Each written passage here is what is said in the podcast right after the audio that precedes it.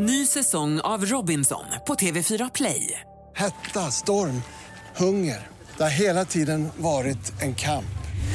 Nu är det blod och tårar. Fan händer just nu. Det. är Detta är inte okej. Robinson 2024, nu fucking kör vi! Streama söndag på TV4 Play. Hallå där, det är jag som är Lotta Bromé och det här är ett inslag från Halv tre med Lotta Bromé på Mix Megapol. Hörrni, Snabba Cash 2, serien som bygger på Jens Lapidus Snabba Cash-böcker men är något helt annat än dem, eller de tidigare filmerna, kommer nu med en ny, för många efterlängtad säsong. Jonathan Blomberg från Moviesin, välkommen tillbaka till Halv tre. Tackar, tackar. Ja du, man kan säga att det i grunden är en serie där businessvärlden då och den kriminella världen krockar. Alla i jakt på att tjäna pengar. Eller? Ja men, ja, men precis, lite Succession möter Breaking Bad på en och samma gång.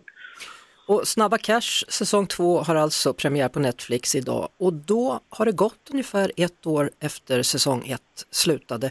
Behöver man ha sett första säsongen för att hoppa in i den här?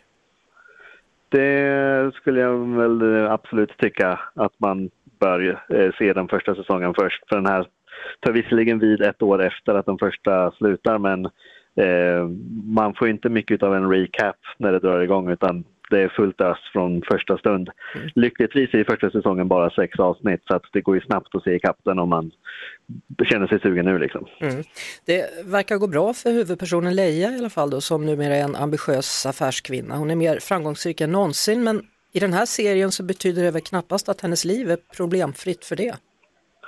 Eh, nej, eh, så att det här om det går bra eller inte kan väl säkert debatteras om vi skulle prata med karaktären i fråga. Men eh, det ser ju absolut eh, bra ut eh, från utsidan sett eh, i hennes liv. Mm. Men hon har ju väldigt mycket eh, annat att styra med eh, som eh, inte riktigt syns för alla andra eh, men som vi tittare får följa med då.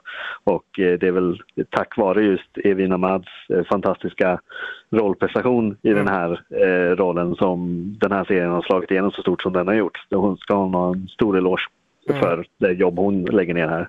Det handlar ju mycket om gängkriminalitet och hur till exempel då gängen försöker värva unga, till och med barn då, som kan sälja droger åt dem. Och- Och det här är ju sånt som vi ofta hör om i nyheterna nu för tiden då. Känns det verkligt eller överdrivet i serien?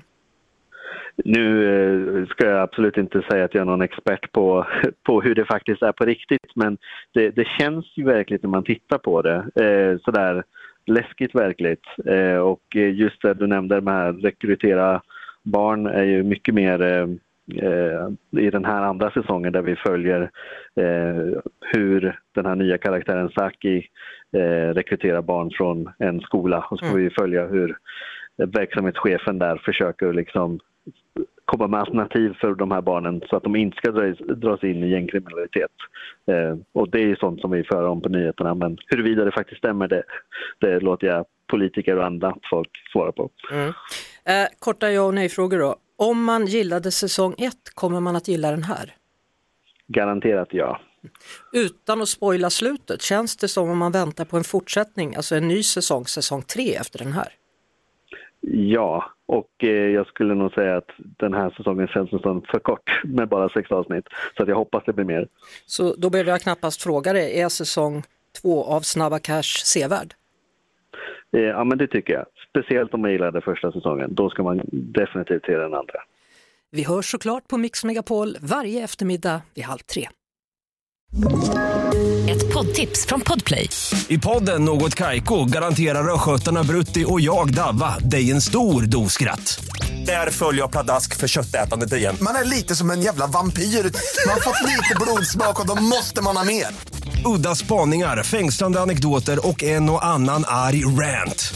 Jag måste ha mitt kaffe på morgonen för annars är jag ingen trevlig människa. Då är du ingen trevlig människa, punkt. Något Kaiko, hör du på Podplay. Därför är gardinerna.